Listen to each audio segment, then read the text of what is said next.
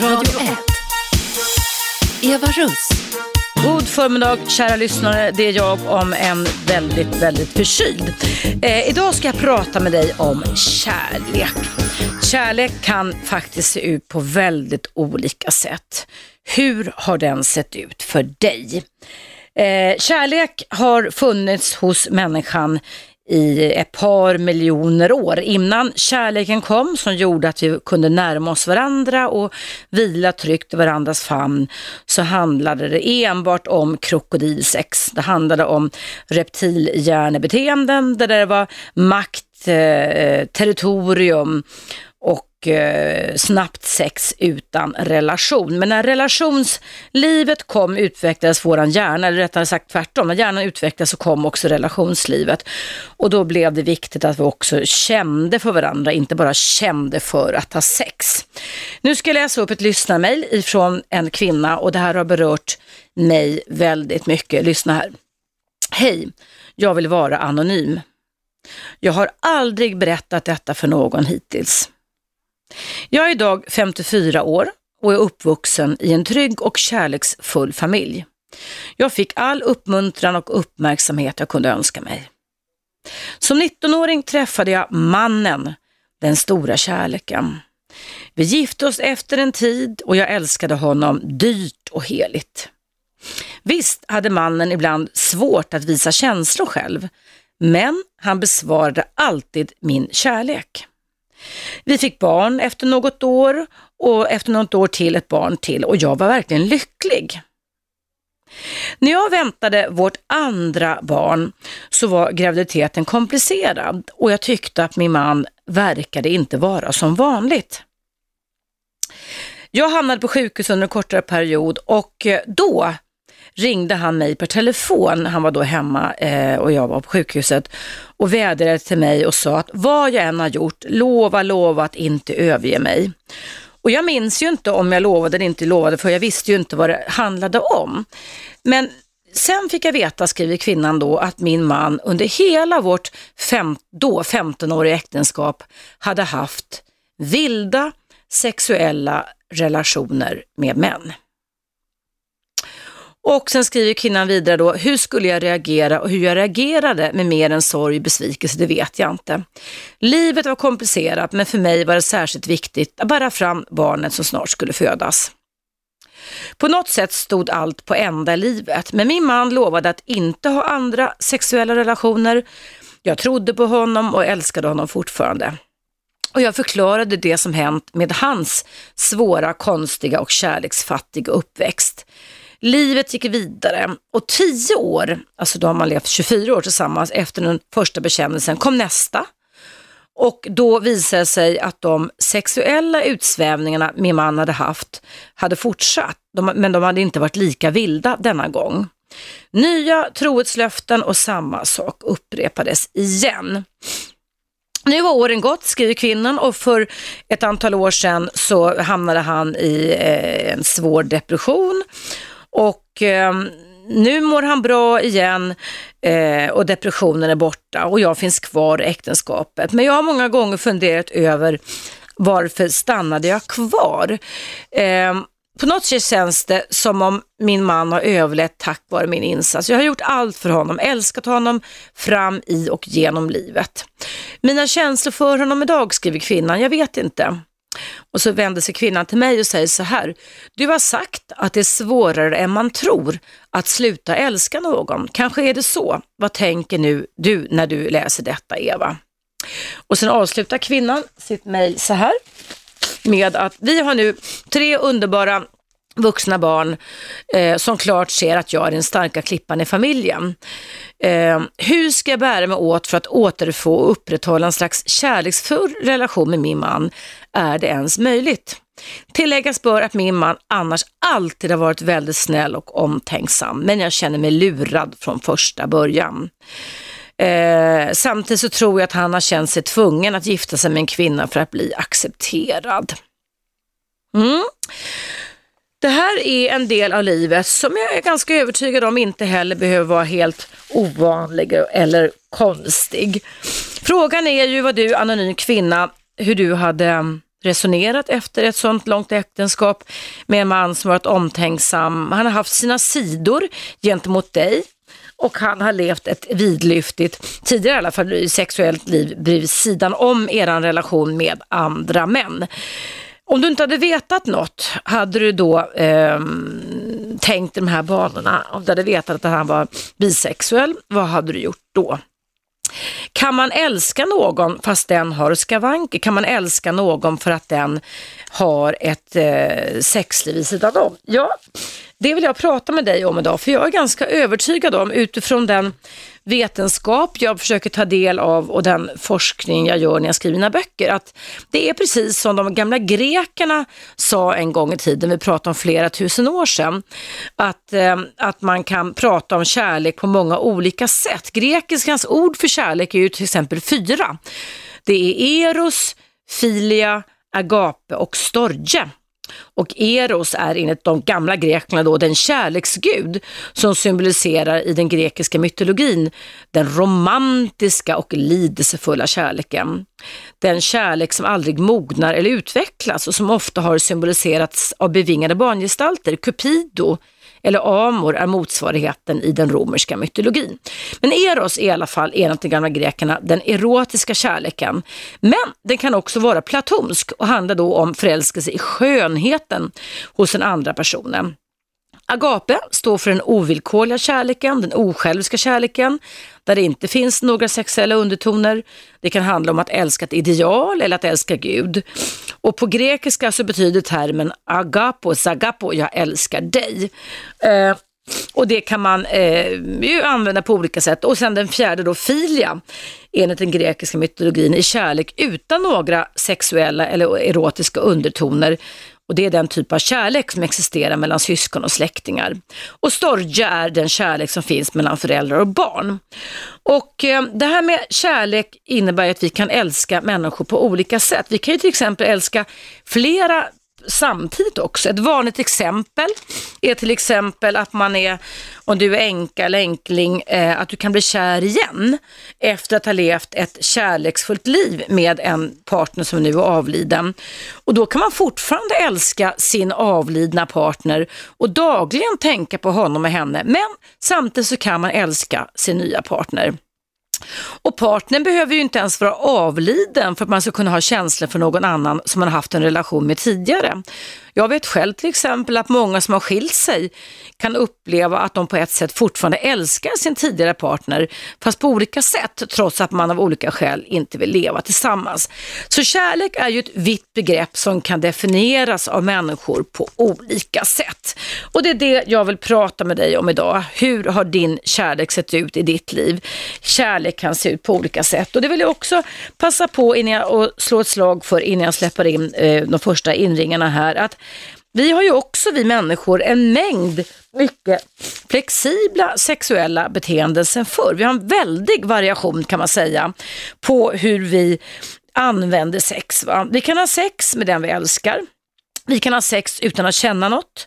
Vi kan ha sex med vår partner för att ge omvårdnad. Eh, vi kan ha sex för att vi vill vara romantiska. Vi kan ha eh, sex av medkänsla. Vi kan ha sex med någon som gör oss illa till och med. Och vi kan ha sex med okända människor som vi inte känner alls. Alltså vi kan ha sex bara för att vi vill ha sex. Vi kan ha sex för att vi just då har en stark sexlust. Vi kan ha sex som den här anonyma kvinnans mejl, för att jag tänder på män, men jag älskar min fru. För det är uppenbarligen så som jag har förstått att den här anonyma kvinnans eller ja, dilemma är. Hon älskar sin man innerligt och han har älskat henne med, men han har haft ett sexliv vid sidan om med män, dock inte med kvinnor. Nu kan han inte ha det längre och hon funderar på om hon gör rätt att stanna kvar. Nu har, har inte jag pratat med den här kvinnan utan jag bara fått hennes mejl.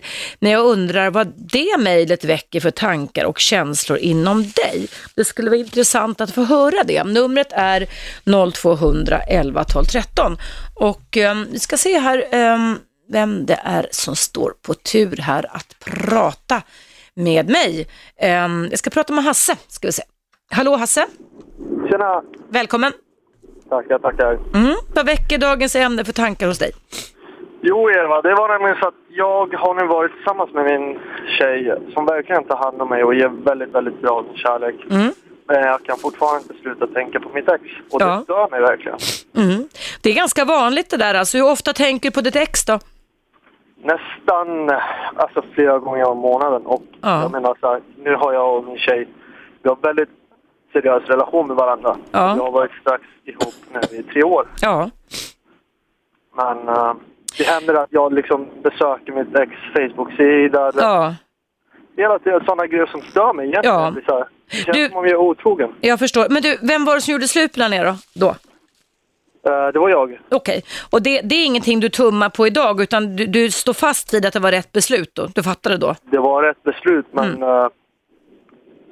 Jag vet faktiskt inte vad som händer, eller har hänt. Men Mm. det är att jag saknar det vi hade tidigare. Ja. Även om hon eh, gjorde så som hon gjorde för att det liksom tog slut. Men Mm, jag förstår. Ja.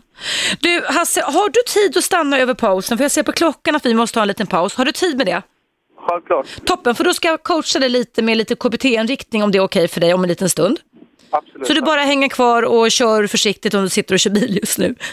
Jajamän. Ja, då hörs vi alldeles strax igen. Toppen. Hej så länge. Hörrni, eh, det är Radio 1. Idag pratar jag med dig om att kärlek kan se ut på olika sätt. Och efter pausen ska jag coacha Hasse som tänker på sitt ex efter tre år fast han har en bra relation idag. Det är ett exempel på hur kärlek kan fungera på olika sätt. Så stan- stanna kvar över pausen på Radio 1.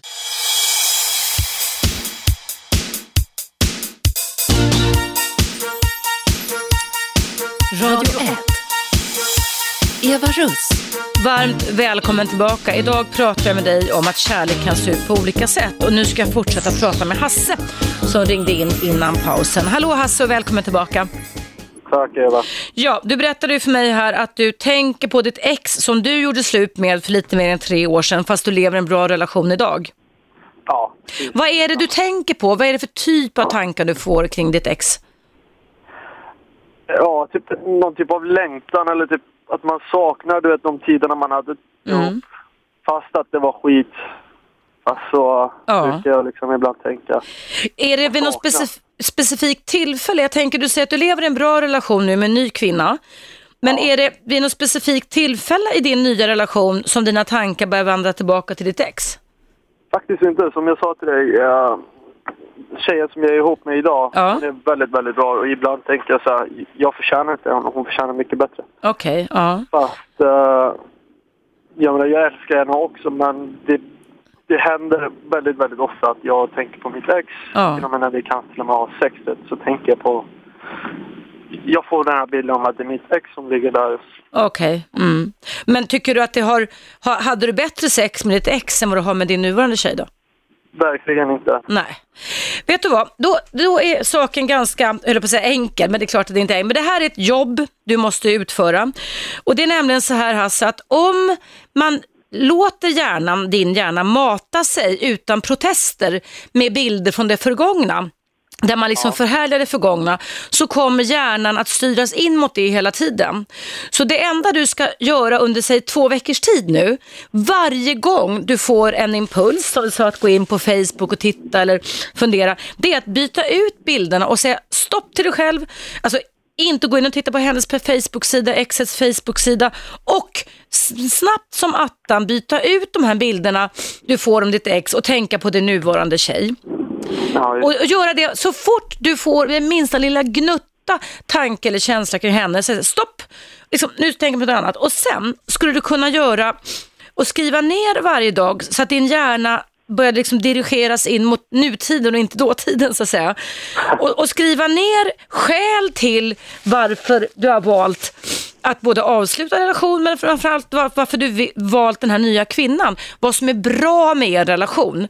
För hjärnan matas, om du matar hjärnan med bilder från det förgångna så är det det du tänker på ja. Så det är ett jobb du kan göra och jag kan nästan lova dig att om du är jätteplikttrogen mot den här uppgiften du får av mig och gör det här varje enskild tanke du får. Stopp, nu ska jag tänka på det här istället. Alltså byter ut tankarna så kommer din hjärna så småningom att släppa det här som har varit. Självklart. Alltså, jag lider ju själv av det. Jag förstår det också, men det där är liksom en tankestil som man kan hamna i ibland och du är inte ensam om det kan jag säga. Eh, det är ju många, det här att sluta älska en person är inte alltid så lätt, även fast man har alla skäl för det.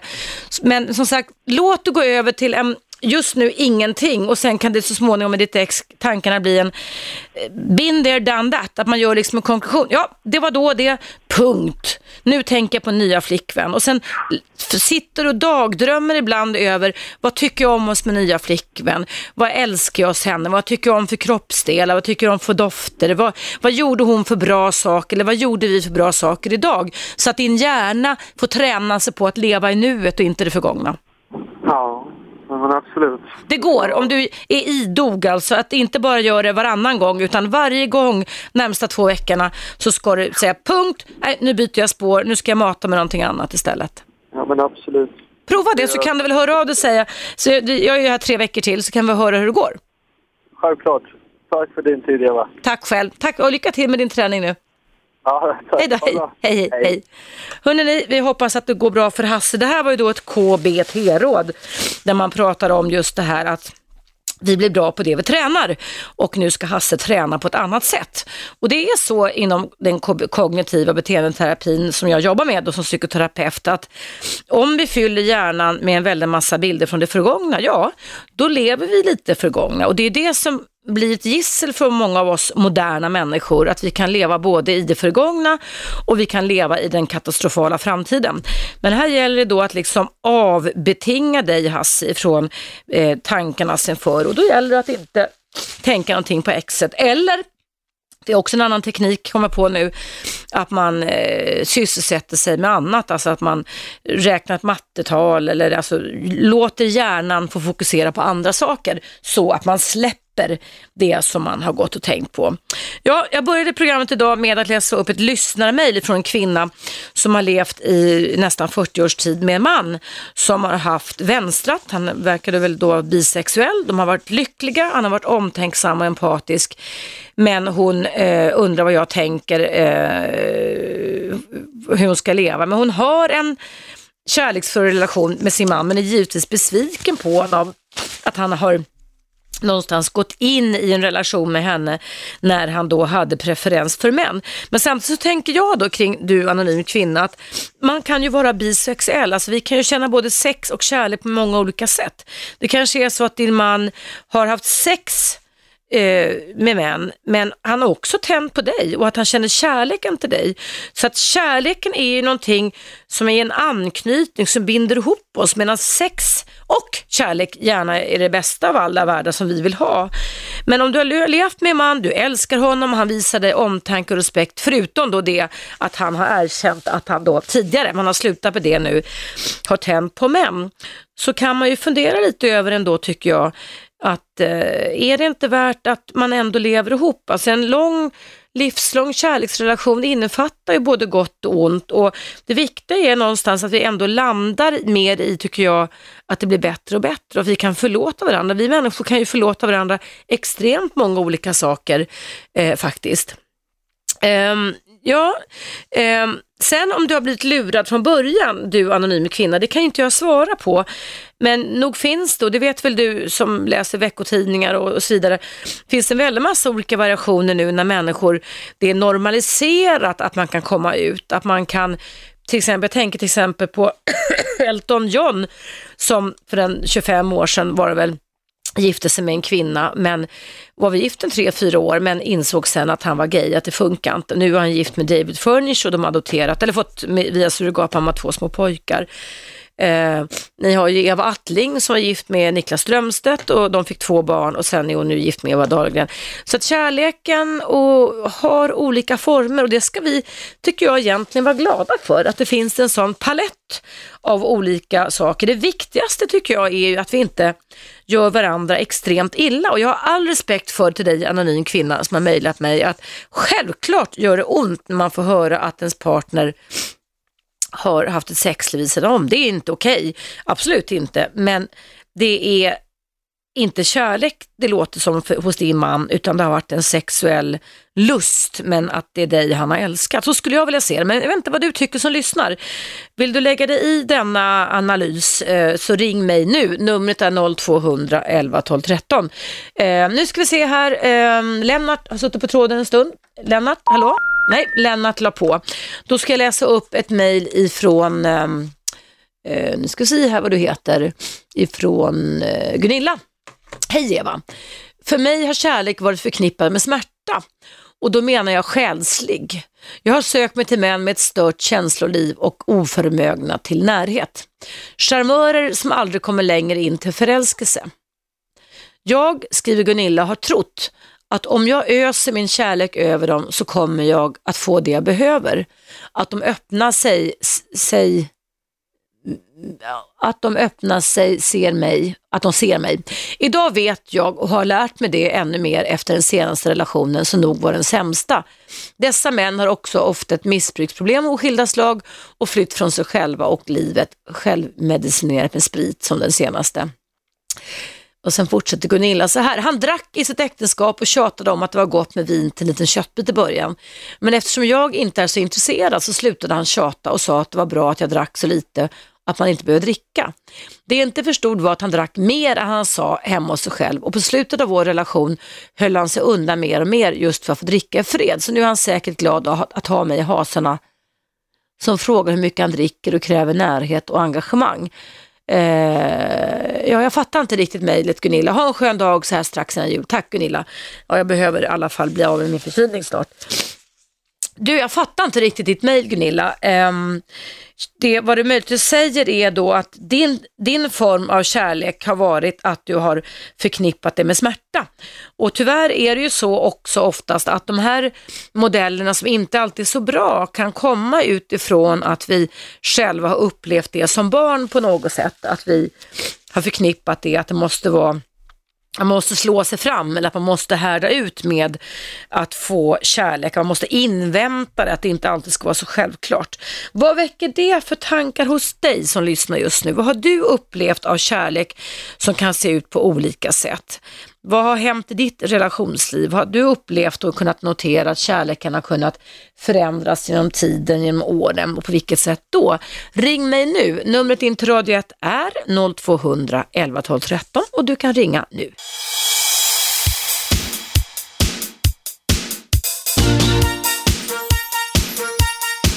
Radio 1.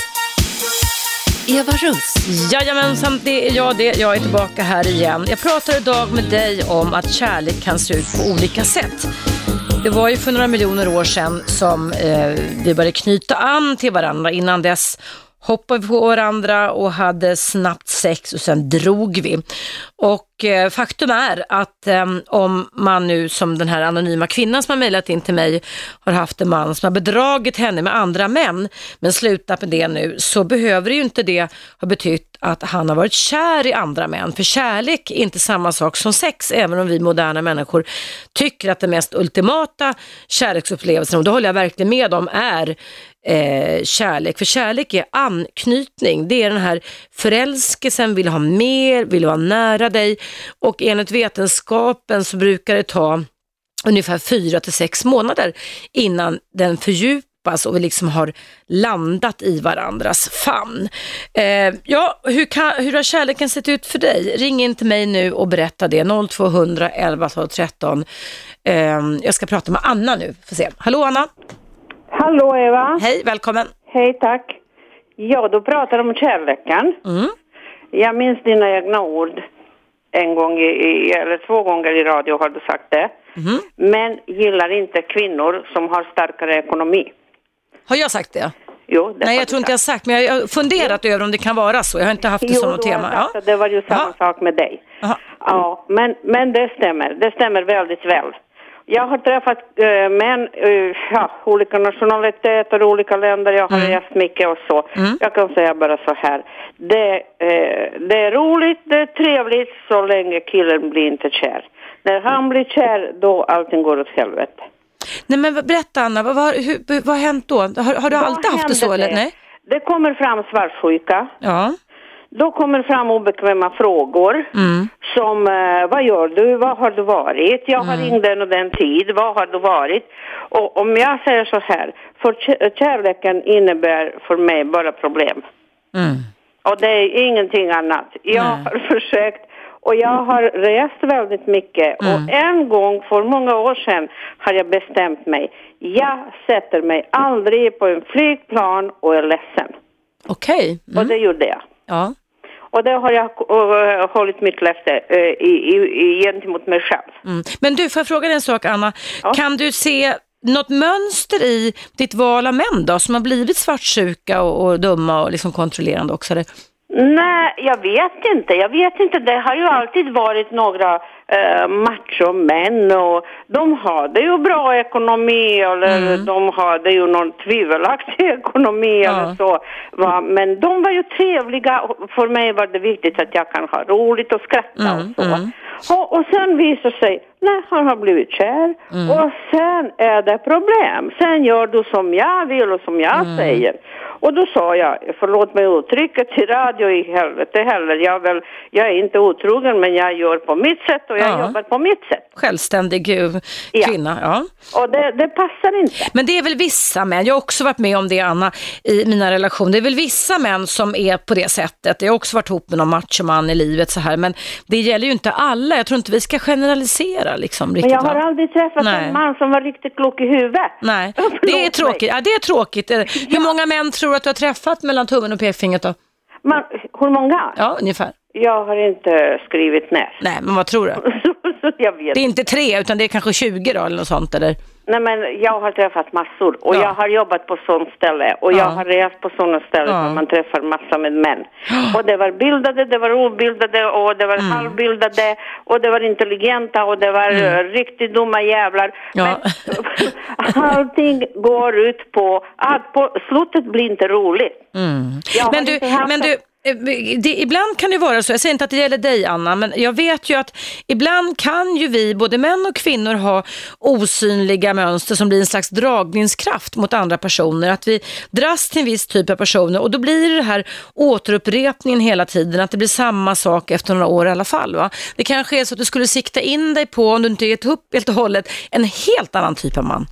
Nej men jag har gett upp. Jag, jag Har du gjort inte. det? Vad Jag vet tråkigt, inte längre ja. hur man gör. Nej, fast det, lär man det kommer man ihåg sen när man väl kommer igång igen, skulle du säga. Men, men tystlåtna män har jag aldrig gillat. Nej, men då kanske den typen av män du skulle dra, börja und, utforska istället. Ibland är det faktiskt så. Jag som är så pratglad och han ska sitta... eh, Nej, fast de kan utvecklas. Då ser det statiskt på en person. En person kan i en kärleksfull relation utvecklas. Det är egentligen det som är själva grejen med kärlek. Att vi kan vi forma varandra på något sätt. Inte att vi gör om varandra, för det ska vi inte gå in med den attityden. Men att vi ändå kan påverka varandra. Att man alltså, om du träffar en tystlåten man så kan han växa och du kanske eh, pratar lite mindre eller fortsätter prata och han älskar dig för det. För det är dina egenskaper. Jag vet inte, jag vet inte. Jag Men ge inte jag, upp än, nej. Jag, jag vet inte som sagt hur Nej. Mm. man gör. Och sen Eva, en sak till. Jag tycker att jag har ingenting emot eh, homosexuella män. Nej. Jag har vänner till och med som Ja. är homosexuella. Ja, jag också, ja. Men jag tycker att homosexuella ska hålla sig vid det könet de tycker om. Mm. Jag, jag gillar inte att de ska äh, liksom fokusera lite på kvinnor och lite på män. Jag tycker att det är äckligt. Mm. Ja, håll dig där vad du tillhör och du har känslor för och där sitter och inget mer med det. Nej, där håller inte jag med dig för att jag förstår att det här med kärlek och sexdrift inte alltid går ihop. Ibland går det ihop ibland inte går ihop. Och det är ju den variationen vi har av människor på jorden. Att vi har. Men du har din, rätt till din åsikt Anna, det är inget problem. Ja, men, men, men man måste, om man ska ha sex, man måste gå in bara med, med, med enligt min mening, Ja. med lite känslor. Man kan inte bara lägga sig och så, varsågod. Nej, Eller? fast vi människor kan ha sex på en 50-60 olika sätt. Vi kan ha sex med känslor, vi kan ha sex utan känslor, vi kan ha sex för vi vill ha sex som tröst, vi kan ha kompissex. Alltså vi kan ha sex för en väldig massa olika känslor mer än kärlek. Ja. ja, då är jag gammalmodig. Nej, jag, det, kan, det är jag nog också. Jag, jag håller med jag är nog också gammalmodig. Men det, det är så det funkar lite. Va? Så att vi har ju väldigt flexibla beteenden faktiskt. Som inte alltid innehåller kärlek, eller, utan att vi kan ha sex utan kärlek också. Men, men jag, jag har alltid tackat nej för det. Mm. Men hur som helst, jag tycker att det är jättejobbigt när man vill bli av med en kar och då, då uh, jag pallar inte för det längre. Mm. Nej. Så. Okej. Men tack för mig Eva. Ja, tack för att du ringde in. Ja, tack så du. Ja, Tack Anna, hej då, då, hej, hej, hej. Hörrni, eh, jag pratar med dig nu om kärlek som kan se på, ut på olika sätt. Kristoffer har väntat en stund här också. Hallå Kristoffer? Nej, Kristoffer la på, då får du ta och ringa igen då i sådana fall. Eh, Gunilla återkommit med ett mejl, läste upp ett mejl om att Gunilla eh, alltid har förknippat kärlek med smärta. Och nu kommer Gunilla tillbaka och skriver så här. Hej igen Eva. Jo, det var just det jag menade, som i mitt fall med en pappa som var oförmögen till närhet och även drack i smyg. Så har jag sökt mig till liknande män och det har känts som om jag måste tigga för att få kärlek och att de ser mig. Men jag har nöjt mig med smulor. Men det som jag inte förstått är att de också har varit missbrukare, vilket jag blundar för, men lärde mig i den senaste relationen.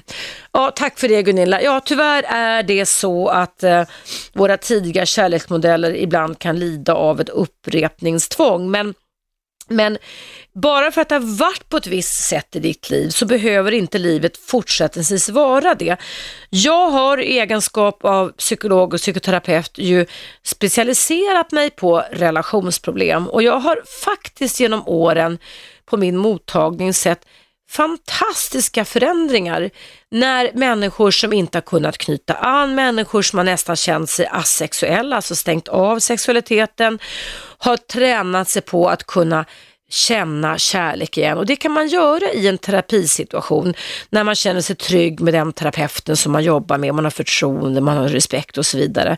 Och vi kan ändra våra kärleksmodeller till eller mot att kunna få uppleva kärlek på ett annat sätt. Vi kan till och med träna oss till att kunna sluta med beteenden som inte är så bra.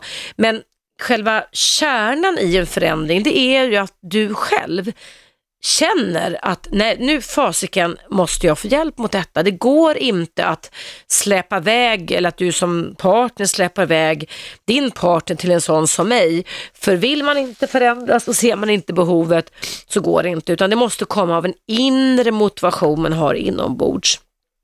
Men det går alltså att förändra väldigt mycket och jag vet också att um, forskare idag säger att eh, om man till exempel, om du har upplevt avsaknad av kärlek eller upplevt otrygg kärlek under en uppväxt och därför aktar dig för kärlek, är rädd för kärlek, men har turen att du möter en person som inte är det, som har motsats dig i ditt känsloliv och den här personen verkligen gillar dig och du gillar den här personen fast du är rädd för kärlek, så kan bara eran relation, genom att ni härdar ut med varandra så kan relationen faktiskt hela dig som är lite tilltufsad i kärlekslivet. Så att upp till fem år tror man att det kan ta utan terapi för att man ska kunna våga vila i varandras famn och våga vara kär igen.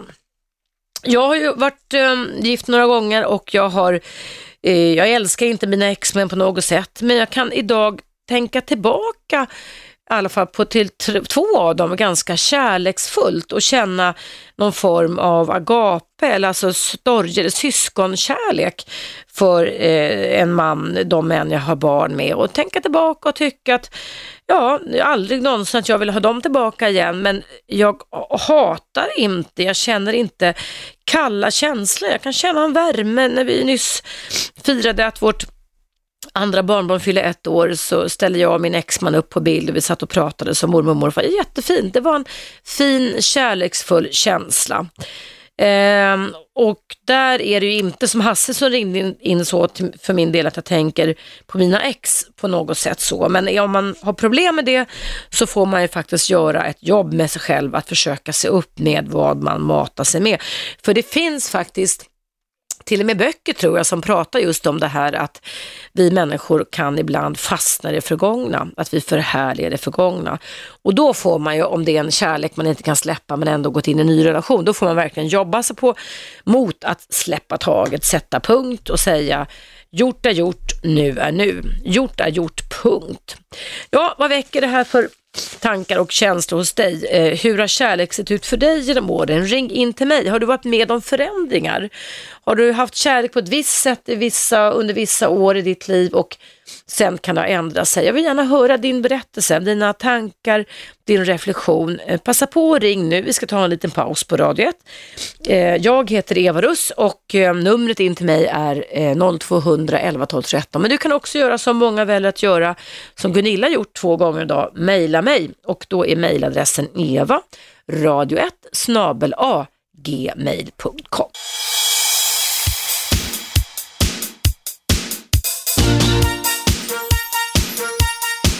Radio 1.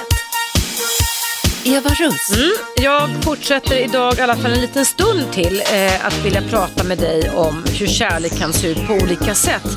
Jag berättade innan pausen här att eh, kärleksmodellerna kan vi förändra både genom att vi träffar en partner som vi kan utvecklas tillsammans med eller också så går det alldeles utmärkt att jobba med kärleksmodeller och förändra dem i en psykoterapi.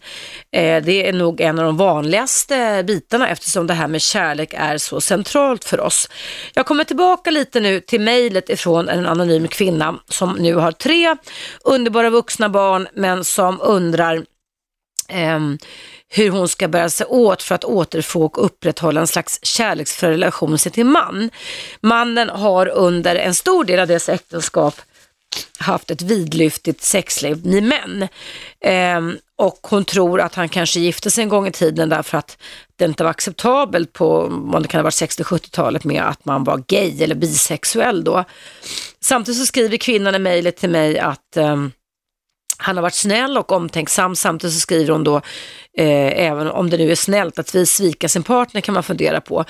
Och då håller jag verkligen med om, det är klart att det inte är snällt att svika sin partner, men det kan ju faktiskt vara så till dig anonym kvinna att din man har älskat dig. Han har älskat dig på sitt sätt, men har haft en sexuell drift där han har eh, som han inte har kunnat hejda, där han har då haft ett vidlyftigt sexliv. Det är klart att det är otrohet, det kallas inget annat än det. Men kärleken till dig och att han har skaffat barn med dig och ni har haft det trevligt och många st bra stunder ihop eh, har han då på sitt sätt, utifrån hur han funkar, kunnat separera. Och jag vet ju ingenting Eh, hur hans barndom har varit. Du skriver att han har haft en känslofattig barndom och så vidare. Jag kan ju inte kommentera det för jag vet ju inte vad han har varit med om. Men om du älskar honom fortfarande och kan förstå och förlåta hans beteenden eh, så tycker jag att det faktiskt kan vara ett föredöme att man lägger Eh, dåliga beteenden bakom sig. Jag har skrivit i min nya bok Bullshit nämligen det att, kärlek, eh, att sexmissbruk är heller inte kärlek utan det är ett sätt att bli av med olika typer av kanske obehagliga negativa känslor inom sig. Och eh, om din man har haft under era år tillsammans ett vidlyftigt sexliv med män och han har erkänt det och han har vädjat till dig och sagt jag älskar dig så kanske det är en form av sexmissbruk som din man också har haft. Det hade varit roligare att kanske, eller roligare, men att, att bättre att vi, om vi hade kunnat pratas vid. Men jag tycker i alla fall, och det är mitt avslutande råd till dig anonym kvinna, det är att eh, du säger så här, hur ska jag bära mig åt för att återfå och upprätthålla en slags kärleksfull full relation med min man, är det ens möjligt? Ja, säger jag, allting är möjligt. Vi människor ska inte sätta gränser för vad vi kan göra. Ehm, du får väl ha ett riktigt tillitssnack med din man. Det kanske till och med är så att du och han tillsammans nu ska gå och prata med en sån som mig och fokusera på tilliten, fokusera på hans insikter, han, hur han tänker och känner själv kring att han har bedragit dig med andra män. Så att ni liksom rensar rent. Annars kan det faktiskt vara så i ert äktenskap som har varit väldigt länge att det blir som i den här boken som heter Flodhästen i vardagsrummet, att det ligger en jättegluff inne i vardagsrummet som alla ser, eller som du och han ser, men ingen vågar vidröra. Och du tänker i bilden av en jättestor flodhäst som ligger på mattan och alla liksom kliver över den men låtsas att den inte finns. Det är en bok som handlar om alkoholmissbruk, hur det kan vara att leva i ett alkoholisthem. Men det är en väldigt bra metafor tycker jag för hur det kan vara i en relation när man vägrar ta upp problemen.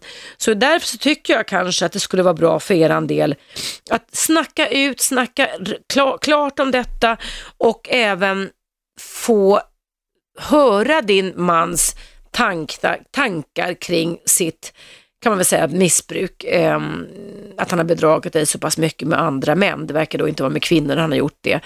Eh, höra hans reflektioner kring sina kärlekskänslor till dig, höra hur han resonerar kring detta. Eh, ja, vi, vi människor kan ju faktiskt palla med väldigt mycket i våra kärleksliv och eh, kärlek, när man väl har fångat den, när man väl har fått den så är det någonting som i alla fall jag tycker man ska vårda. Jag tycker inte givetvis man ska förlåta vad som helst, men ibland kan vi människor bete oss extremt korkat därför att vi har en sexdrift inom oss som vi ibland inte kan styra. Men sex och drift och kärlek behöver inte alltid gå hand i hand. Eh, ett exempel på detta, det jag tagit upp i min senaste bok Bullshit som kom ut här i höstas, det är ju till exempel synen på otrohet inom det svenska kungahuset. Eh, där har ju till exempel eh, vår monarks fru och vår drottning och monarks dotter eh, väldigt olika synsätt, om jag bara får ta det utifrån min tolkning på en metafor för kärlek. Eh, drottning Silvia, om det stämmer allt som har stått i tidningarna, kunde uppenbarligen, om det nu var sant, förlåta sin otrogne man och valde att fokusera på kärleken och det långlivade äktenskapet. Medan deras yngsta dotter inte kunde göra det när det framkom att hennes första fästman hade varit otrogen och eh, tydligen var det ganska ofta, har jag förstått, jag vet inte, men att där gick det inte att leva med det medan drottningen kunde leva med det. Hillary Clinton kunde, fast en hel värld satt på första parkett och eh, fick höra vad hennes man Bill Clinton hade hållit på med, med sin praktikant Monica Lewinsky. Hon kunde släppa, förlåta och gå vidare. Eh, det finns många som kan släppa, förlåta och gå vidare och eh, värdera kärleken och den långa relationen.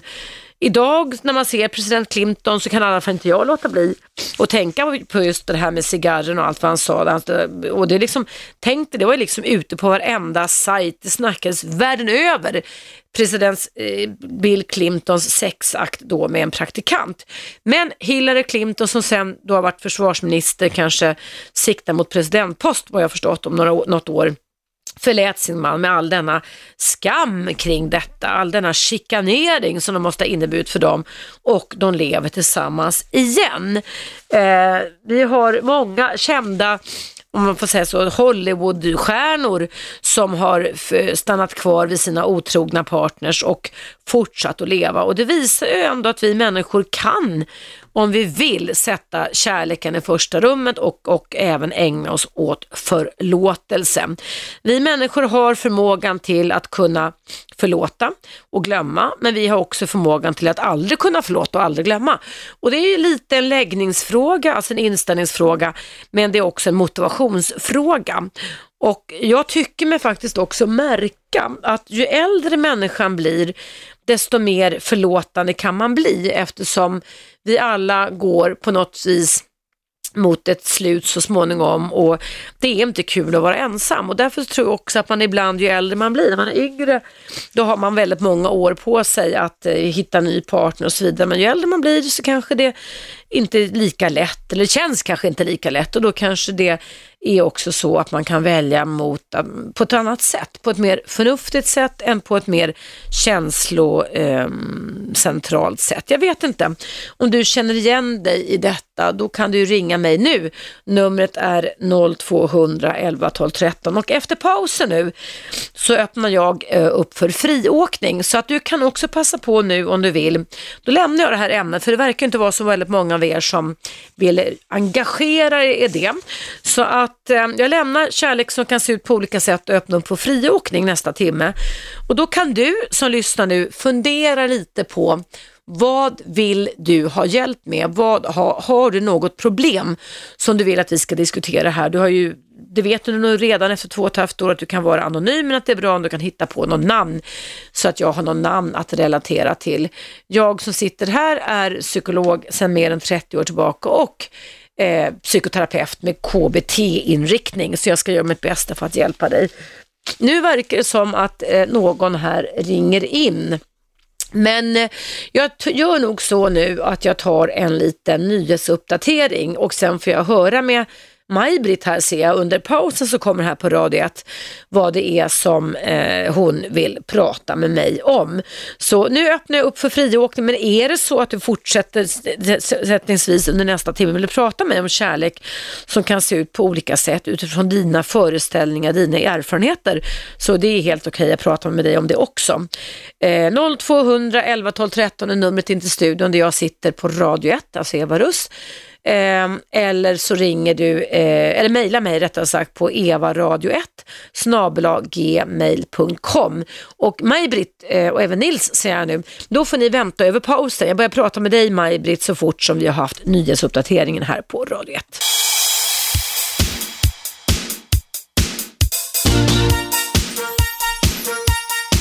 Radio 1.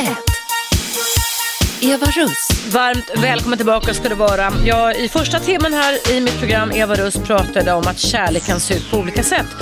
Nu har jag öppnat upp på friåkning, men jag ska ta ett par samtal. Jag vet inte riktigt vilket ämne vi pratar om just nu. Eh, Maj-Britt först och Nils sen. God morgon Maj-Britt. Ja, god morgon. Välkommen till mitt program. Mm, tack. Ja, jag heter Maj då kanske. Mm. Och förlåt mig. Jag är 87 år, det kanske hörs. Oj, fantastiskt. Mm. Nej, men jag ger mig liksom inte. Det är en sak som jag har grubblat på i flera år är det ju. Ja, Och jag kanske kan säga hur jag själv skrev ner det här en morgon. ja, Nu det sista, jag har skrivit många gånger förut också. ja. Detta är en söndag morgon, 4.30, kan inte sova, sitter och tänker på Folksams senaste konstiga slogan För allt du bryr dig om. Vad betyder det? Kanske att de lovar oss hjälp? Eller vad menas? Man kan undra. När de inte kunde behandla oss gamla eh, schysst kan man säga som de gjorde vad det gäller en så kallad efterlevnadsförsäkring. Drog ner ersättningen av utlovade summor utan vidare till de döda försäkringstagarnas barn. Är du änka Maj eller? Nej, jag är frånskild. Du är frånskild. Ja. Vad, vad, vad, för, Och, får jag fråga en ja. sak? Vad tänkte du att detta skulle hänga ihop med kring kärlek eller kring Alltså, relationer? Jag kanske Ja. har fattat fel på programmet här. Det var friåkning, det var vad jag hörde. I, i, i, I mitt program kring relationer. Ja, relationen med ett försäkringsbolag är Okej, det här. ja, det går bra det Min också. pappa var faktiskt gräsrot från början Ja. så jag är väldigt besviken på Folksam. Ja, ja. Bara bryter ner ett heligt löfte. Låta försäkringstagare som lever länge få betala hur länge som helst till Ja. de dödas barn. ja. För det är vi som betalar dit och inte Folksam. Nej. Men vet du vad Maj, Ja. det där är inte riktigt mitt ämne. Nej. Kanske du ska ringa in till Aschberg i eftermiddag om man har friåkning istället. För det är inte riktigt mitt ämne just nu. Jag är jätteglad att du lyssnar på mig och att du ringer in. Men det passar inte riktigt in just nu. okej? Men det går inte att flytta över den här inspelningen till Nej, Aschberg, nej, tyvärr jag, inte. Jag, det är lite jobbigt. Jag förstår det. Nej, det gör det tyvärr Ja, ja. inte. Nej. Ja, du kan ju tala med honom. Det kan jag göra i alla fall. Tack så jättemycket. Men fortsätt gärna att lyssna Maj-Britt. Ja, ja. Hej så länge. Hej, hej. Ja, eh, då ska vi prata med Nils. Hallå Nils. Hej, va? Hej, välkommen. tack ska du ha. Jo, jag tänkte fråga dig om, eh, vad heter det, nu sa du det var friåkning och Ja. eh, efter en, eh, en skilsmässa och en, eh, vad heter det, en separation eh, var den ena partner så kanske fortfarande eh, känner saker för, för sin tidigare partner och eh, ja, jag kan ju säga det som det är. Jag tycker att att mitt ex efter hon tog ut skilsmässa var hon väldigt snabbt med att komma vidare och skapa sig ett nytt liv och det är väl bara bra för henne att ha träffat Ja. en, en partner som är, är bra mot mina barn. Ja. Och, eh, jag har inte träffat honom men allt är liksom frid och fröjd men de gångerna vad jag så har träffat någon tycker jag hon har gjort allt eh, vad hon kan för att eh, lägga mig hinder i vägen. Jaha, oj vad tråkigt. Ja. Och eh, till slut så blir det ju så att eh, jag talade inte om när jag hade träffat någon. Men där jag fortfarande bor på en gemensam fastighet så Mm. har hon ju tillgång till den och, och har så upptäckt att där kanske har hållit bilar eller på ett tidspunkt kom hon och, kommenterade att jag hade en hund hemma Mm. och det ville hon inte ha. Jag skulle ha i, i vårt gemensamma eh, hus och det ena och det andra. Jag liksom sa, ja men så ljög jag så och sa det var min hund. Det var så en före detta flickväns Mm, hund som jag var mm. hundvakt för. Men alltså, jag tycker personligen att jag inte har någonting i klämma med känslor eller någonting. Men Nej. jag tycker att de gångerna var, var hon har fått reda på att jag har träffat någon ny Mm. så... Så har en ogin inställning till dig, men en generös till sig själv kan man säga. Jo, jag tycker liksom att istället för bara acceptera sakernas tillstånd så har hon försökt att lägga mig hinder i vägen Ja. för att... eh, Men du, varf- varför går du med på det då, Nils? Det behöver du inte göra. Du kan ju jobba på dina gränser och säga tack men nej tack. Ehm, ja, vi är skilda nu och det var väl hon som ville skiljas också eller? Ja, det var Ja, så att från och med nu lägger du inte dig i och hur många, om jag sa tusen flickvänner hemma eller tusen hundar hemma, så det är it's none your business. Mm. Jo, men alltså jag tycker man, man kan bara, eller jag kan bara känna att vår relation blir inte mer positiv av att hon reagerar på det sättet. Nej. Jag har, jag har liksom accepterat sakerna är som det Ja, är nu ja. och eh, bryr mig inte om vad hon håller på med. Nej. Men säg det till henne, Sä, säg det till henne. Mm. Alltså, alltså, var ärlig och säg nej, nu får du sluta. Du, har, du var den som drev igenom det här. Du har friheten. Ska jag inte få ha friheten att få göra vad jag vill? Vi är ju skilda nu. Mm. Det tycker jag du ska göra. Öva dig på det. Du behöver inte säga det otrevligt på något sätt. Jag kanske låter det, men jag är så förkyld idag som det hörs så att jag liksom tar i lite. Va? Men, men det tycker jag är jätteviktigt. Hon ska inte lägga sig i vad du gör. Du har din fulla rätt. Såvida du inte skulle träffa någon jättedysfunktionell partner som gjorde dig och dina barn illa. Liksom. Nej, alltså jag träffade eh, en väldigt trevlig kvinna som eh, jag hade ett förhållande med. Hon fick så tyvärr en, eh, en kväll var, var min exfru överreagerade och slog in fönstret till det hus Oj. jag bodde i. Och då pratade jag i telefon med, med den här väninnan samtidigt. Och det gav så det resultat och hon sa nej, jag vill inte vara ihop med en som har sån en, en, en exfru som beter sig Ja, på det sättet. Men vad gjorde, din exfru så Nils? Ja. Åh herregud. Och slog, det- slog, ja. Nej, jag fick ringa polisen och säga nu får ni fan komma ut och lugna ner henne annars så går det helt ja. Eh, åt skogen. Och Oj. eh, det har varit en stormfull skilsmässa och eh, hon har också ringt polisen och jag har ringt polisen och det har inte varit fysiskt på ett Nej. sådant sätt men det har varit så upprört att eh, det liksom bara det, det räckte bara inte med att man gick ut huset eh, för så riskerar man att bli utlåst och kunde inte komma in igen. Ja, ja. Men tyvärr så har det blivit så. Jag tycker väl bara det är konstigt att man inte bara kan slippa sakerna och så säger jag men om du är lycklig så är Mm. Ja, barnen också men det är en personlighetsfråga och när du beskriver sådana här eh, väldigt eller avvikande och svåra beteenden, ska jag kunna kalla det för, Mm. så ligger det väl lite i hennes personlighet kanske, att hon har den typen av sätt att fungera på. Men det betyder vet ändå inte att du ska låta dig hindras från att inleda en ny relation. Och du har inget, du, är inte, men du har det ingen sanning, du är inte tvungen att berätta allting för henne, du behöver inte ens svara på hennes frågor om du har träffat någon annan. Nej, det blir ju bara Mm. sån att eh, så informerar man inte om att nu är det så här. Så Nej. säger man ingenting Nej. för man vet, ja men så blir det bara negativa känslor igen. Mm. Så försök att hålla allting utanför hennes sfär, men, men eh, har hon slutat att vara sådär våldsam nu då, ditt ex Nils? Ja, vi har nästan ingen kontakt med varandra alls. Men du Eh, träffar, så- ni har väl tre barn ihop? Ja, precis. Men du träffar dem? Ja, jag tror jag har barnen halva tiden. Ja. Och, eh, vad heter det? Det fungerar liksom bra. Alltså, det är Ja. väl det enda vi inte har bråkat om, det är barnen. Ja. Så vad heter det?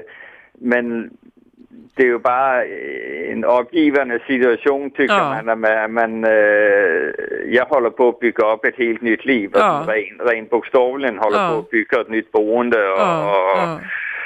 vad heter det? Men själva bodelningen har dragit ut nu ett och ett halvt år och nu har då. Bytt ombud igen så nu börjar vi från början en gång till. Okej, Och det är lite, mm. där tycker jag, det fattar jag inte riktigt det här systemet med att, att eh, man vill skiljas sen så drar man ut på processen med att uh, liksom... Ja, Men det är väl maktkamp, territoriekamp på något sätt? Jo, men eh, jag fattar det inte ändå. Alltså att, Men, men det, det är väl där kanske du och din fru var olika varandra. Ni har olika sätt att fungera på utifrån era personligheter. Jo, jag har det väl lite i, Mm. i min värld om, om, om man inte vill ihop med, om man inte vill vara ihop med en person längre så Ja. vill man väl uh, göra upp allt man, vad Ja. man har med den Ja. personen för att liksom bli fri för Ja. att skulle ha någonting Jo, att göra. men det låter som att det här är en läggningsfråga hos din fru, för detta fru.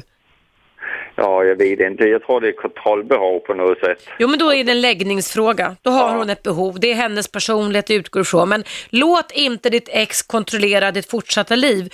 Håll på dina gränser. Bestäm dig för var din gräns går och upprepa det vänligt men bestämt till henne varje gång hon vill tafsa in på ditt revir. Ja, Jätteviktigt. ja jag ska... Jag ska Gör det. Öva dig på det. lite. Övning ger färdighet. Nils. Övning ger färdighet.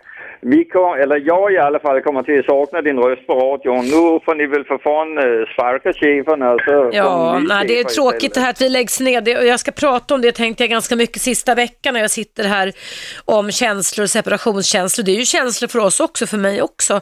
Det här har varit ett av de roligaste jobb jag haft faktiskt, det måste jag säga. Det kan jag förstå. Mm. Det är väldigt intressant att lyssna på dig. Alltså, du har många olika ämnen du tar upp och man kan ju höra det är ju de samma människor som ringer in. Så det, du uppfyller en funktion och det, det tror jag hela radion gör. Mm. Ja. Det är synd att det liksom, när man blir, blir den bästa radiostation två år i rad så måste det ju ha Ja, det en är konstigt. anledning. Det är väl, ja, absolut, så vi, vi, vi då läggs ju ner med flaggan i topp, men jag håller med dig om att det är en väldigt, jag har ju jobbat inom idrotten där vinnande lag får fortsätta liksom, förstår du? Ja. Alltså man, man får mer Ja, pengar, man får mer resurser och här blir det tvärtom, att ett vinnande radiolag läggs ner. Det är lite sorgligt, väldigt, väldigt konstigt tycker jag också. Ja, det känns lite meningslöst Mm. egentligen. Det kan väl vara svårt att hålla motivationen när, när man liksom känner man har gjort sitt bästa och så ändå Ja. får man inte credit Nej, för det. nej. Ja, Ja, det är tråkigt. Till i framtiden. Tack snälla Nils, men jag, jag är kvar här till den kunder. 20 december i alla fall. Och jag, ska Ja. inte, jag hoppas jag inte hostar och harklar lika mycket om några dagar Nej, igen. du får ha en god jul då i alla fall. Tack snälla Nils, tusen tack. Och håll på dina gränser nu, öva dig på det nu. Det ska jag göra. Toppen, Hej. kram, hej hej hej. Hej. Hörrni, eh, det är friåkning. Jag ska läsa upp ett mejl ifrån en anonym tjej efter pausen här som undrar också då vad kärlek är. Eh, numret är 0200 11 12 13. Du kan ringa in till mitt program Eva Russ på Radio 1 nu.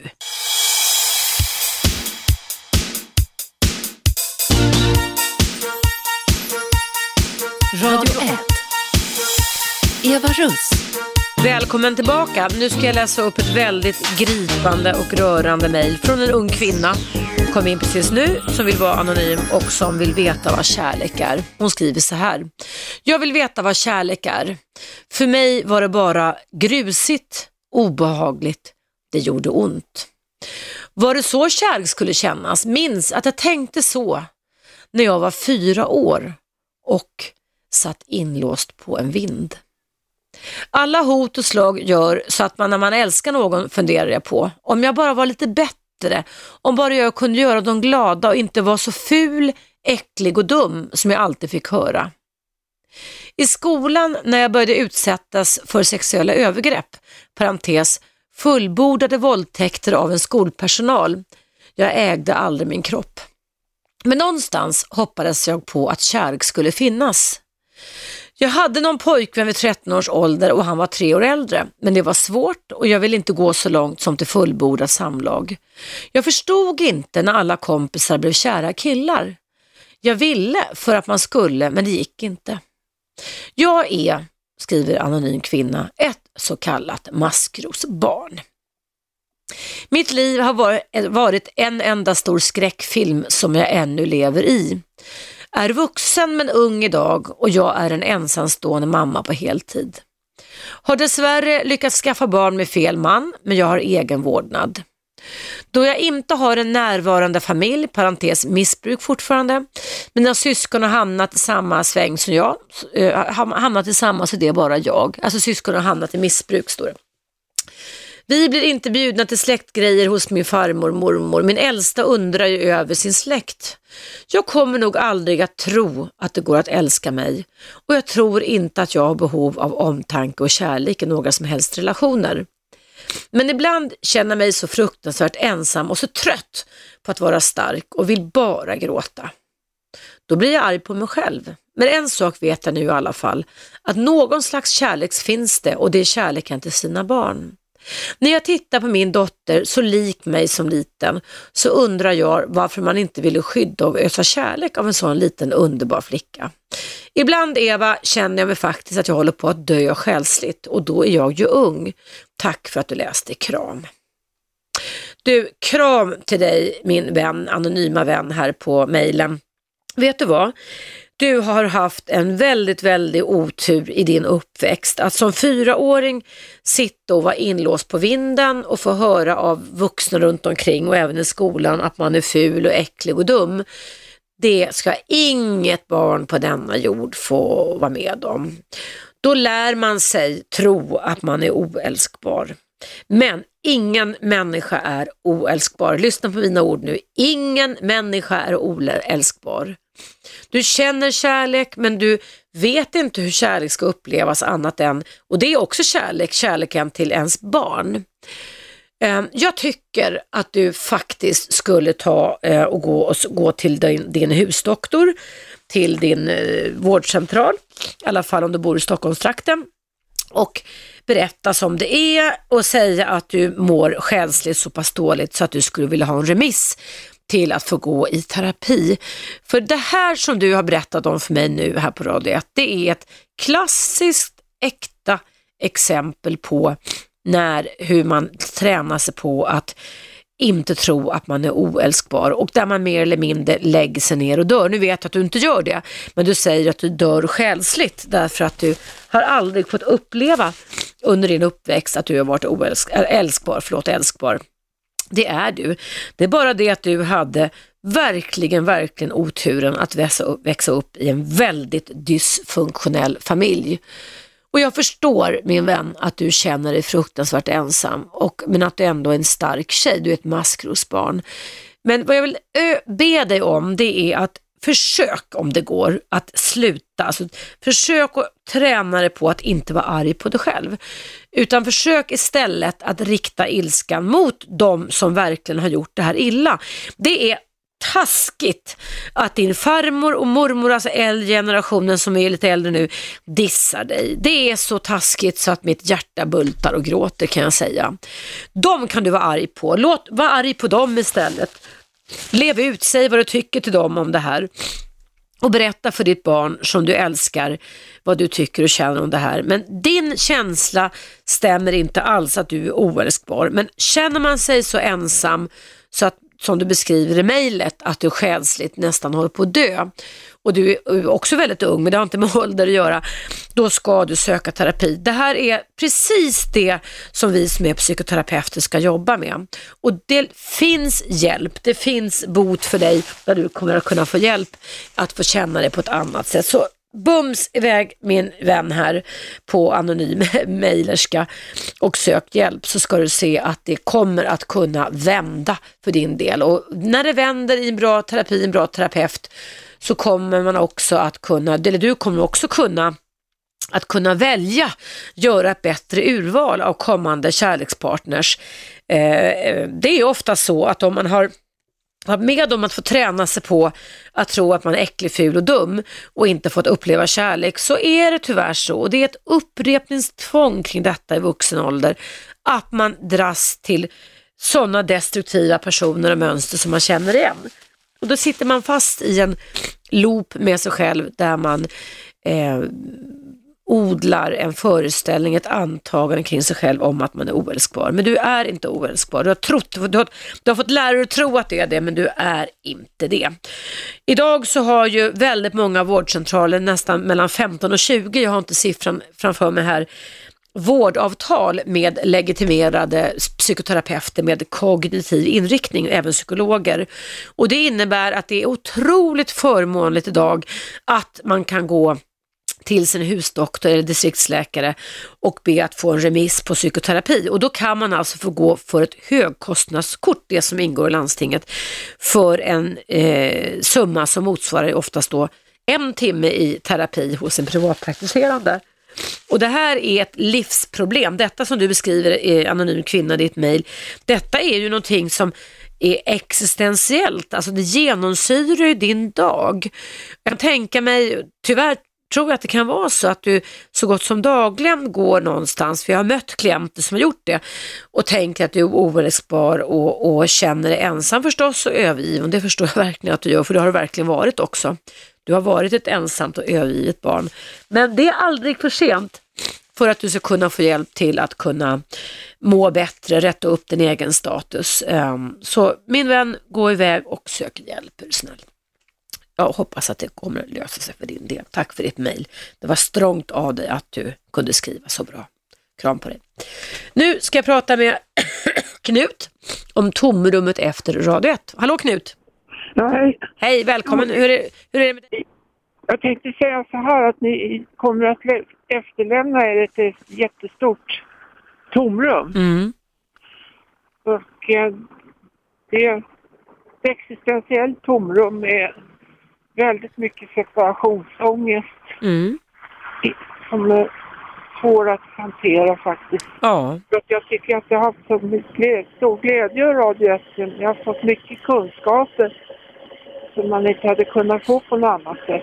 Ja, Jag det, tycker Radio 1 har varit en öppning utåt, en utsiktspunkt över verkligheten mm. Som inte har funnits och kanske inte kommer att finnas. Nej. Eller också åter, åt, återuppstår Radio 1 så småningom igen, men då är det inte säkert att jag är med där eller de andra är med. Men Nej. det har ju varit en fantastisk tid och vi ska Ja. prata mycket om det här, om hur man ska hantera saknaden efter Radio 1. Det är ju liksom en tvångsmässig separation kan man kalla det för. Ja, Där vi är tvungna att skiljas fast vi inte vill. Liksom. Nej. Det vill ju Ja, inte det- vi heller som sitter här. Vi vill inte heller skiljas från dig och alla andra lyssnare. Men vi får prata, och ju mer, om vi pratar om det här så får vi hjälpas åt och komma med tips om hur vi kan hantera det och hantera sorgen. Vi människor kan hantera väldigt mycket så att det är klart att vi kan hantera det här också, att vi läggs ner. Men att det är en process, det är ju inget snack om, alltså det är det inte. Nej, just det. Sen tycker jag att jag har fått väldigt mycket värdefulla kunskaper i psykologi genom dig. Som jag har haft nytta av, som jag har kunnat använda mig av och fått plötsligt många aha-upplevelser. Vad roligt, vad roligt. och jag, Ja. jag har förstått mycket saker som jag kanske förstått så bra tidigare. Nej. Åh, vad roligt. Det har faktiskt varit min strävan också, att försöka eh, popularisera eller alltså försöka förklara saker som är svåra och som många undrar över. Men grejen är så här Knut, att när jag då kommer att återgå till att vara psykoterapeut och ta emot patienter igen nä- nästa år, så är det så här, jag är inte annorlunda här i radion än vad jag är när jag jobbar med patienter, förstår? Utan jag, så här förklarar jag oftast, för man behöver förstå saker och ting. Vi ska inte sitta på våra höga hästar och vara Nej. experter och liksom snåla med kunskap tycker jag, utan vi ska, kunskap är ju makt, eller hur? Då kan, då kan man Ja, det- öva sig på det och få nytta av det i sin hemmamiljö, eller var man nu befinner sig någonstans. Ja. Ja, det är sorgligt. Jag håller med, verkligen med om det Knut. Men du är väl en frekvent radiolyssnare som lyssnar ofta, eller hur? Ja, det gör jag nu. Ja. Efter årsskiftet kommer ingen att se mig gå omkring med hörlurar på Nej, men jag tror, jag, vi kommer väl ut med sån information sen, att play-funktionerna kommer nog vara kvar ett tag till så att man kan gå in och lyssna på alla våra program ändå. Ja, Det är alltid något, eller hur? ja. Mm. Men det är klart att den här direktkontakten som vi har fått... Det är just det som är så Ja. tycker jag. Ja, nej det, det, jag tycker också att det är jättesorgligt ska du veta, verkligen. Men, men Ja. det, det är därför jag inte vill missa en enda dag när jag kommer hit när jag är så här brakförkyld idag. Men jag tänker, Ja, jag vill, ju otur. jag vill pröva otur, men det går ju över. Men jag vill vara här för er som Ja. lyssnar så länge som jag kan faktiskt. Ja, Du, stor kram på dig så länge Knut, men Ja, än, än har vi inte kastat in handduken. Det är ett par veckor kvar i alla fall. ja.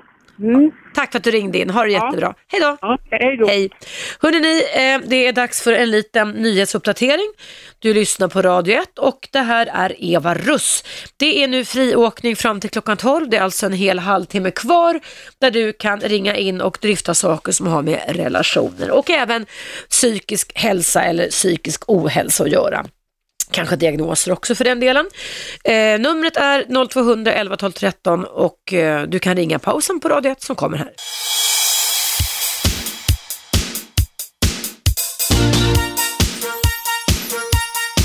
Radio 1. Eva Russ. Mm, det är jag det och det är en halvtimme kvar drygt. Det är friåkning. Jag öppnar upp första timmen med att prata om att kärlek kan se ut på olika sätt. Vill du höra mitt program i sin helhet så kan du ratta in Radio 1s frekvens 101,9 klockan 20.00 ikväll. Nu ska jag prata med Lisa om vad kärlek är. Hallå Lisa, Hej. välkommen. Tack, tack. Ehm, jag har tänkt så här, jag lyssnar nu då idag. Jag har varit borta ett par gånger nu då. Ja. Eh, det här är ju liksom, det är något egocentriskt över kärlek. Mhm. Det är väldigt egocentriskt tycker jag. För jag menar så här, den kärlek du känner för någon eller någon känner för dig, Ja. det, det är ju utifrån personligheten. Och sen när jag hörde den här stark- Nils, Ja. att hans fru var han eh, riktigt så här förbannad eh, över att de träffar nya och allt det här. Mm. Och, det kan, ju- och hur jag uppfattar honom till exempel, det var det här att han inte brydde sig att hon hade träffat någon. Nej. Men hon brydde sig att han hade träffat Ja. någon. Ja, men då är det ju den här egocentriska kärleken igen. Han har ju släppt alltihopa. Han har koncentrerat sig på barnen. Men det här, det är just den där hemska kärleken. Men du, vad har du upp för egna upplevelser om vi pratar om Nej, dig det, är just, istället? det är just den kärleken som jag tycker är så ruskig. Vad, vad har du upplevt i kärleksväg då? På, på många, hur många olika sätt har du upplevt kärlek på Lisa? Många olika. Mm, Kan du ge exempel på några? Eh, det är den här passionerade kärleken. Du, dig vill inte jag släppa. Och det har Ja. varit kvinnor och män. Ja. Det, är, alltså, det är inte det sexuella. Nej. Utan det är den här passionen, att man vågar, att man vågar leva. Va? För att det är där, du lever ju på ditt sätt och det är många som reagerar över hur du lever och de skulle vilja men de vågar inte. Då blir ju det en... Hur lever jag då, tycker du? På mitt sätt? Nej men det vet ju inte jag. Nej men du säger du lever på mitt sätt och många reagerar på det så du skulle vilja leva. Jo men det, det, gör, det gör ju även hur jag lever. Ja, okej. Mm. Det, kan, det kan ju vara även att folk tycker, åh så skulle jag också våga, vilja våga göra och allt det här va. Och då blir det ju en, och då när du kanske säger ifrån, och då blir det ju liksom, nej det här går inte, det vill de inte ta. Och då blir, gå- övergår det till någon sån här hatkärlek va. Jag hatar henne, jag hatar honom. Ja. För att det har gått lättare för den att kunna lämna och allt det här va. Och just den här elaka kärleken, den tycker jag är hemsk. Mm. Men hat och kärlek ligger ju nära varandra i hjärnan faktiskt alltså så att hat har ju inte f- utplånats genom evolutionen utan vi kan ju bli jäkla fiender gentemot varandra när vi en gång älskat varandra men vi kan också bli vänner igen fast vi har hatat varandra en period. Jo, absolut, absolut. Man Det går- väldigt snabbt, switch, switchar över liksom mellan hat och kärlek faktiskt. Jo, men det är just den här passionen, den här passionskärleken Ja. som är så farlig va. Ja. Därför att det, det, det är den som växlar så snabbt liksom. ja, och sen är den ju också blind framförallt. Ja, precis. Och man vet ju inte när den slår till. Och det är ju de, den kärleken som är väldigt, väldigt farlig va. Farlig vet jag inte om jag håller med om, men, men den är intensiv och den kan göra att man kan göra felval ibland. Ja, just det. Och då blir, kan det gå överstyr och det är då man sårar den där människan som man verkligen har älskat. Och, det, och det är det som jag tycker är så hemskt. Ja, ja. Och det är därför man, man skärmar av sig. Ja. Och det- och det är också en, en strategi då som du pratar om att man skärmar av sig, alltså fjärmar sig för att man inte vill bli bränd en gång till, vara med om det en gång till, eller hur? Ja, just det. Men om det har upprepats flera gånger så blir det det. Och det är oavsett vilken slags kärlek. Ja, men det behöver inte bli så. Det är sånt jag tränar mina klienter på, att bara för att det varit på ett visst sätt en gång i livet så behöver det inte fortsätta vara så. Ja, ja. Jo, men det beror ju på hur man kommer ut på andra sidan. Ja, ja. Det, det Tycker så. du att du har gjort det då, Lisa, kommit ut på andra sidan? Nej, men, det, jag- nej, men alltså i resten av livet kommer jag vara avskärmad. Jag är Varför ju det? väldigt- Varför det? Det låter Jo, väl inget bra?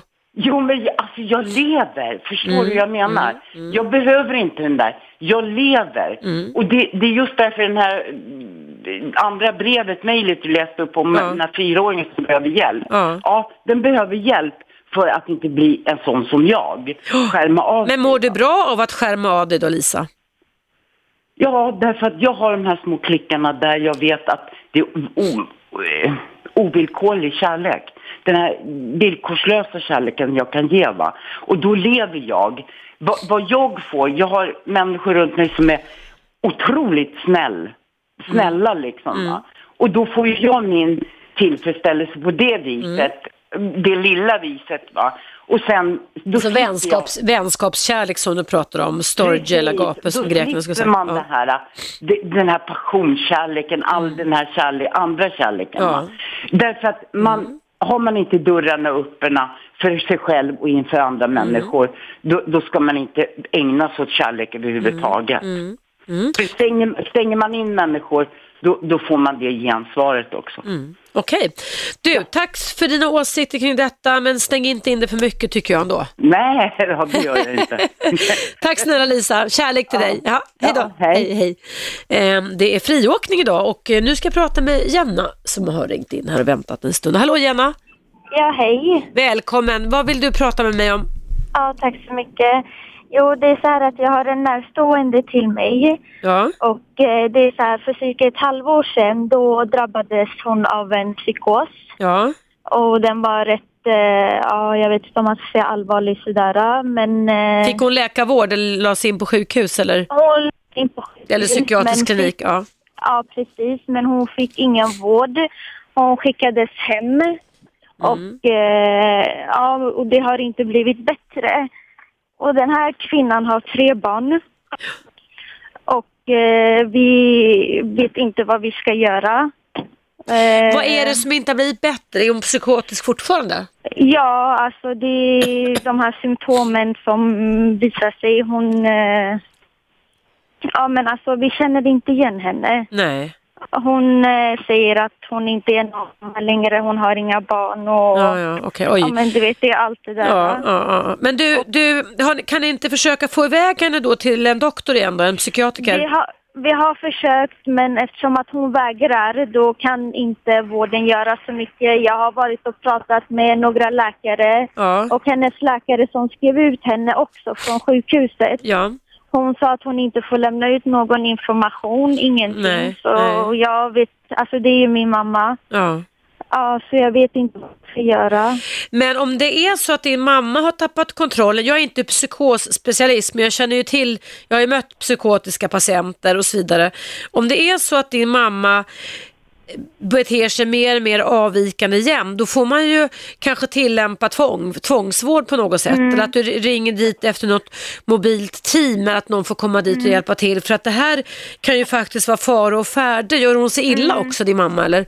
Nej, men i början var det liksom att hon eh, slog på sig själv och Ja, sådär. Ja. Och det har jag sagt till dem också, men de har sagt till mig, ja, men eh, vi, vi kan inte göra någonting Nej. om inte hon är våldsam mot barnen. Men det är hon ju Men är det småsyskon inblandade som har vård av din mamma, eller? Vad sa du? Finns det barn som din mamma tar hand om hemma? Eh, Jag har ju två yngre syskon. Ja. En är 18 och en är 15, men min pappa har vårdnaden om henne. Hon bor ju med han. Okej, men re- reagerar inte han också då? Vad sa du? Reagerar inte din pappa på sin före detta frus beteenden? Jo, men de har ju skilt sig nu, Mm. så han har inte liksom eh, ansvar för någonting. Det är ju jag som får ta allting. Kan du inte ta ett snack med din pappa då så att inte du är ensam om det här ansvaret? Eh, Men han, ja, han bryr sig inte så mycket. Nej, vad synd. För Ja. psykisk sjukdom och psykos det är ju inte att leka med tycker jag. Och ehm, det kan ju mycket väl vara så att det kan finnas efterdyningar kvar eller att hon är psykotisk fortfarande. Jag är inte psykosspecialist, man ska ha en specialistutbildning på det. Men jag tycker ju då att, um, ursäkta mig, jag är jätte, jätteförkyld som du hör med. Nej, att du, ehm, att du, eh, ja hur gammal är du? Får jag fråga själv då? Jag är 20. Ja, så det är ett jättestort ansvar, ett fint ansvar du tar på dig min vän, men jag tycker att det är synd att du inte kan dela det ansvaret med någon annan. Nej, Eh. alltså jag har ju stöd från eh, mammas familj och sådär. Ja. Ja. Ja. Men, eh, kan, du, kan du liksom inte involvera dem då så inte du tar eget ansvar kring detta, kring din Jo, mamma? men de gör ju det, men det är ju liksom, alltså allting händer ju hemma. Det är ju liksom Ja, vi som får leva med henne. ja, ja. Förstår du? Alltså det är liksom, ja men eh, det är ju från städning till att se till att hon inte gör någonting och hon har ju liksom gått ut klockan ett, halv två på nätterna och jag har fått gått och hämtat henne för hon har liksom trott att någon ska möta upp och plocka upp henne någonstans. ja. Så det är sånt här och man kan ju inte riktigt slappna av. Nej. Och det låter ju Alla faktiskt som att, ja det låter ju faktiskt på det du beskriver som att hon är sjuk och behöver hjälp. Ja. Men, men då tycker jag i sådana fall att du ska undersöka i landstingets regi, men ta gärna stöd av andra släktingar Janna, så du inte är helt ensam om detta. Mm. Jo, Om, jag har ju stöd ja, men om det inte är läge då för att eh, ta in din mamma med tvång, alltså för att det där låter inte bra. Men jag kan inte göra liksom någon sån bedömning på telefonen. Men Nej, det du beskriver låter inte bra tycker jag. Nej, men de har sagt att de inte kan ta in henne på tvångsvård ifall hon inte är våldsam mot alltså, mig eller mina syskon. De Fast hon låter ju förvirrad och just det här, jag hade en psykotisk granne för en väldigt massa år sedan som skulle gå ut och gå och vandra på stan och klädde sig och sina barn i vita kläder och hon var helt snurrig men hon tog, då Mm. fick ju vi, jag och en annan granne ringa och hon fick läggas in på psykiatrisk klinik och det var en, en psykos hon hade. Mm. Eh, nu finns det, som sagt jag är inte expert på just det men, Nej. men eh, jag tycker att du ska ta ett varv till. Eh, Det är ett Ja. stort ansvar du sitter med och eh, det låter inte som att din mamma är riktigt frisk, att hon behöver mer hjälp ändå tycker jag. Ja, jo, för jag läste alltså alla symptom som min mamma har haft och visat. Jag sökte på dem på internet Ja. och då stod det att det kan vara sån här schizofreni.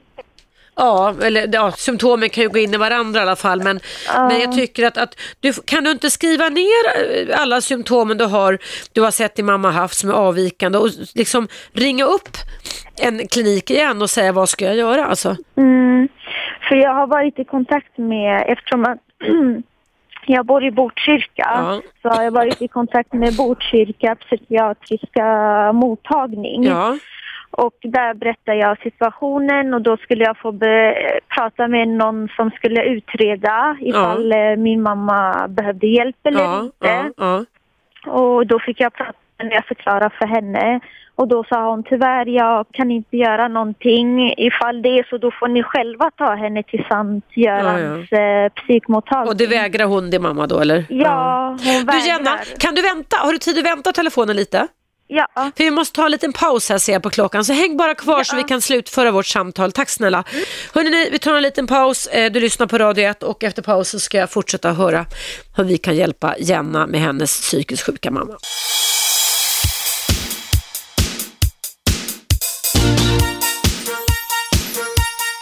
Radio 1. Eva Russ. Mycket välkommen tillbaka. Det är friåkning här i andra timmen kring relationer och psykisk ohälsa. Och jag ska fortsätta samtalet med Jenna, 20 år gammal, som är ganska desperat, söker hjälp för sin mor som sedan ett halvår tillbaka har drabbats av psykos. Och det låter faktiskt som att symptomen som Jennas mamma visar är åt psykoshållet. Jag är inte expert på det. Jag har ingen psykosterapiutbildning vill jag säga då. Hallå Jenna. Hej. Du gör ju verkligen allt som ett barn egentligen inte ska behöva göra men som du gör i alla fall och det är fint av dig vill jag säga för din Ja. mammas räkning. Men kan du inte ringa upp de här en gång till då som har sagt att eh, eh, det här att eh, nu måste köra in henne till Sankt Görans sjukhus och så vidare och ta ett snack en gång till. Kan du inte göra det? Jo, men alltså, jag vet liksom inte vad jag ska säga. Jag har liksom sagt allting. Och Säg alltså, att du har ringt in och pratat med en erfaren, behöver inte säga om det är radion eller inte, en, en erfaren psykolog och psykoterapeut som tycker att som du beskriver din mammas symptom så Mm. måste ni få hjälp. Det kan ju vara så att din mamma inte är tillräcklig, att, alltså att hon måste fråntas sitt eget vårdansvar om man säger så för att hon börjar sjukna in igen. Och det här kan ju, Mm. hallucinationerna och de här konstigheterna du beskriver kan ju, eh, ibland kan man ju ha, vara två vitt skilda människor va? Så man kan Mm. gå in och gå ut ur en psykos, i alla fall vad jag har sett på de människor jag har Mm. sett som har drabbats av det. Jo. Alltså jag kan ju inte säga att det är lika grovt som det var i början. Det har ju blivit lite lugnare. Mm. Men vad gör din mamma? Kan du ge ett kon- konkret beteende på sista tiden då till mig? Alltså det att hon håller eh, sig instängd. Ja. Hon är bara för sig själv och Mm. hon, eh, alltså vi är kristna också. Mm. Så hon har liksom börjat missbruka den här tron. Hur, hur då? om att, eh, ja men vad ska man säga, det är liksom att, eh, ja men det är bara Gud som gäller för henne. Hon Alltså, har blivit det- lite hon kan- fanatisk liksom eller lite? Ja, hon kan liksom tro att hon pratar med Gud. Mm. Eller att hon pra- alltså, Gud pratar genom henne. Men sitter hon och säger så att nu pratar Gud med mig genom mig Hon er? gjorde det i Ja. början men inte nu. Det Nej. för att vi liksom har sagt men vi vill inte höra någonting mer Nej. Det Men, men då så. låter det som att det har dämpats något. Och, ehm, men är det någonting mer, några andra beteenden hon, hon gör, mamma nu? Ehm, Du sa på nätterna att hon gjorde någonting på nätterna. Ja, det är att hon har gått ut på nätterna och trott att eh, till exempel att min morbror ska komma och plocka upp henne från något ställe. Ja. Ja, där hon säger att hon har pratat med han och allting men det visar sig att det inte stämmer. Mm. Låter li lite ja, åt hallucinationshållet, Mm. vad man ska kalla det för. Men kan, får hon medicin din mamma då? Hon hade ett par depressionstabletter som hon fortfarande har men jag är inte säker på om hon tar dem. Hon säger att hon tar dem. Ja, Men, men sköter hon sin hygien? Ät, eller äter hon mat och så liksom? Sover hon hyfsat eller? Alltså hon sover på dagen och hon brukar vara vaken under nätterna Ja. och ibland sover hon inte alls och Nej. ibland sover hon, alltså kan sova hela dagen. Ja. Så det är olika. Men, då, men får hon någonting har- gjort? Får hon någonting gjort hemma, din mamma? Alltså någon gång kan det hända att hon städar och så men eh, det, alltså, det blir, blir inte alltid utfört. Nej. Alltså, Så, vad, hon kan så, så, påbörja någonting Ja. och sen är det bara att hon slutar. kan, kan hon laga mat och sånt också eller? Ja, det har hänt att hon har gjort det men hon har inte gjort det på ett tag nu. Nej, du har sett att det har skett en förändring i din mammas beteende i alla Ja, fall? alltså jag känner ju inte igen min Nej, mamma. nej.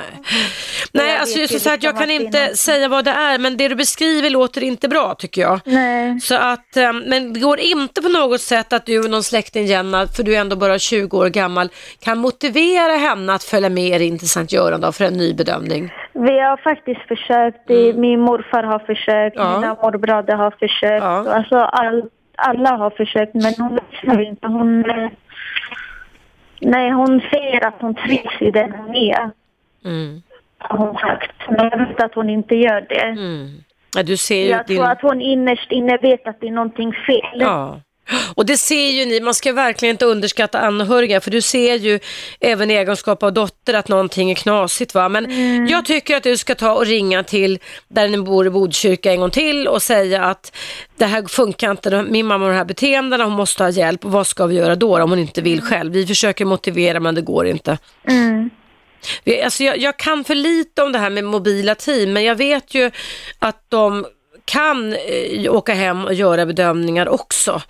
Eh, Okej. Men sen törs inte jag uttala mig om det bara är liksom en jätteakuta fall. Va? Det här låter ju nästan lite mer kroniskt beteende som är avvikande sen din mamma var psykotisk. Men det låter, inte, det låter inte friskt. Jag håller verkligen med om det min vän. Försök att göra det nu igen. Men ta hjälp av morfar. Hur gammal är morfar då? Är han vital så han kan hjälpa till eller? Ja, han har hjälpt oss förut. Bra. Så att det, för det, ja. det är liksom, även om det är jättefint av dig så är det svårt att som barn ta hand om sin, när man är även är så pass ung, men du är en väldigt mogen tjej vill jag säga, att ta hand om din mamma. Eh, det är jättefint, men du måste ha hjälp. Så prata med morfar om att ha pratat med mig också. Mm, ja, Så kan du väl höra av det. dig sen och berätta hur det går. Jag är här nästan tre veckor till i alla fall, så att Ja, jag kan men få höra hur det går. absolut. Ja. Absolut. Ja, det var Ja. tråkigt att höra, men ta ett varv till, gör det. Stå på det lite Jo. mer tycker jag. Mm. Jo, men jag ska göra det. Tack så mycket. Det var så lite så. Kram på Ja. dig, Jenna. Ja, tack. Hej då. Hej. Hej. Hej. Hej. Ja, det är verkligen inte lätt det där. Det är fantastiskt fint att vi har inkännande och medkännande anhöriga, men det är verkligen ingen lätt sits när man ser att en nära anhörig behöver hjälp och den här anhöriga nekar. Det blir väldigt, väldigt svårt och samtidigt så går man som anhörig omkring med en klump i magen och får svårt att koncentrera sig och kanske känner konstant oro för vad ska hända nästa gång. Det är strångt av dig Jenna och alla ni andra som känner igen er i Jennas inkännande beteende. Eh, men som sagt, man ska inte vara ensam om detta. Och ibland kan även psykvården göra felaktiga diagnoser eller att man liksom slafsar till det och tycker att nej men så farligt är det inte. Va? Så att ett konkret uppmuntran till dig som känner igen dig i det här som Jenna berättade om, det är väl att man för dagbok på något vis. Att ni liksom gör en anteckningar på de väldigt avvikande beteendena så att ni har några konkreta beteenden i konkreta situationer som har uppstått. För ibland har ju också vi en tendens att glömma bort, är man under ständig stress för att man är orolig för en anhörig så kan inte hjärnan kanske lagra på samma sätt, så då kan man glömma bort vad var det nu jag såg eller vad var det nu som hände. Så att ta fram papper och penna eller använd din iPhone eller smartphone eller vad du har för telefon. Det finns ju anteckningsblock i dem och skriv ner vad du lägger märke till så kan du liksom titta tillbaka på det och även referera till det, ta fram de anteckningarna när du sen ringer upp en läkare eller en vårdgivare så att du verkligen kan säga att det här beteendet har jag sagt. För att ibland kan man ju också möta en vårdgivare som är trött och utarbetad och då kanske du inte ens, du kanske till och med kan riskera att inte bli trodd om du inte har konkreta situationer som du kan hänvisa och härleda till. Så tycker jag i alla fall att du ska göra. Ja, hörrni, eh, nu är det dags för mig att runda av. Eh, du kan lyssna på mitt program Eva Russ idag ikväll klockan 20.00 igen går det i repris på 101,9. Och eh, du vet ju också att du kan gå in på Radio 1 play-funktion och lyssna på gamla program som jag har.